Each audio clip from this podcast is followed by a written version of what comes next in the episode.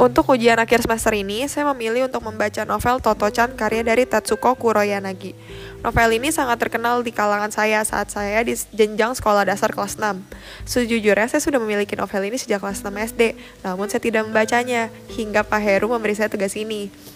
Saya bersyukur diberi tugas ini, sehingga saya dapat mengulang kembali kenangan saya tentang bagaimana novel ini sangat terkenal saat itu, dan bagaimana teman-teman saya menyuruh saya membeli dan membaca novel ini.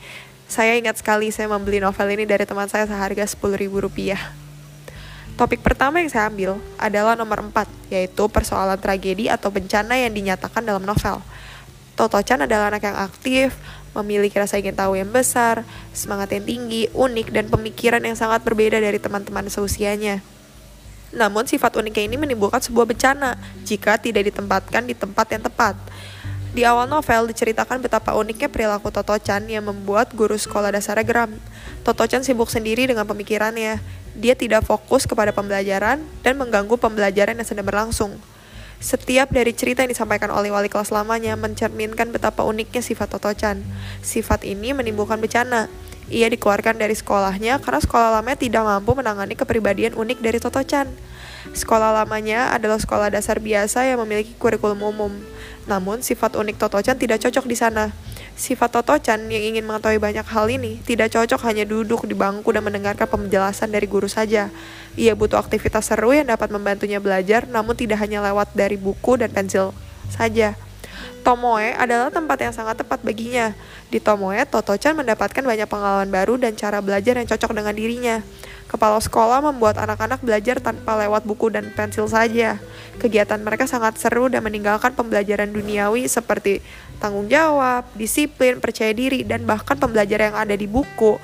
Seperti saat mereka bermain ke taman dan mereka belajar dengan cara melihat langsung bagian-bagian dari bunga. Topik kedua yang saya ambil adalah topik keenam, life lesson apa saja yang saya dapatkan dari novel ini. Saya memiliki seorang sepupu kecil berumur 7 tahun yang sangat aktif dan bawel bertanya semua hal yang ingin dia ketahui. Dia adalah perempuan yang anak kecil perempuan yang pintar, berani. Walaupun umur 7 tahun, tapi dia sangat berani untuk menegur orang yang dianggap salah. Saat meninggalnya omah saya dari pihak mama, semua anak dari omah saya, termasuk mama saya dan om saya, yang notabene adalah papa dari perempuan kecil ini, duduk bersebelahan di deretan kursi paling depan saat ibadah. Nah, saat ibadah berlangsung, anak kecil ini memukul pelan mama saya yang duduk di sebelah papahnya sambil berkata, pindah, yang seharusnya duduk di sebelah papaku itu mamaku. Jujur saat itu saya marah karena sifatnya tidak sopan kepada orang tua saya di saat situasi ibadah sedang berduka. Namun, saya pikirkan kembali, kok anak ini sangat pintar ya? Dia memiliki kelebihan yang tidak dimiliki oleh anak umur 7 tahun pada umumnya.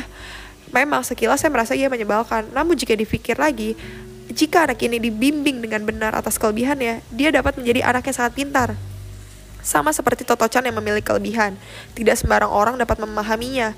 Ada cara khusus untuk mengajar anak-anak yang diberi kepintaran lebih dari Tuhan ini.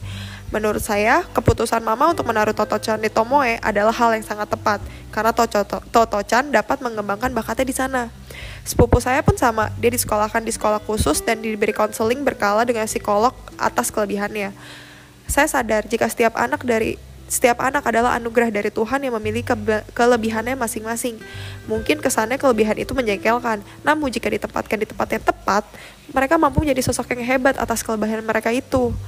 Satu tokoh yang paling memberi saya life lesson adalah kepala sekolah. Sifat yang penyayang dan ide-ide kreatifnya yang mengajarkan anak-anak disiplin, tanggung jawab, percaya diri, sungguh membuat saya terkesan. Karakter kepala sekolah mengajar, mengajarkan saya untuk bersabar dan melakukan semua hal menggunakan hati.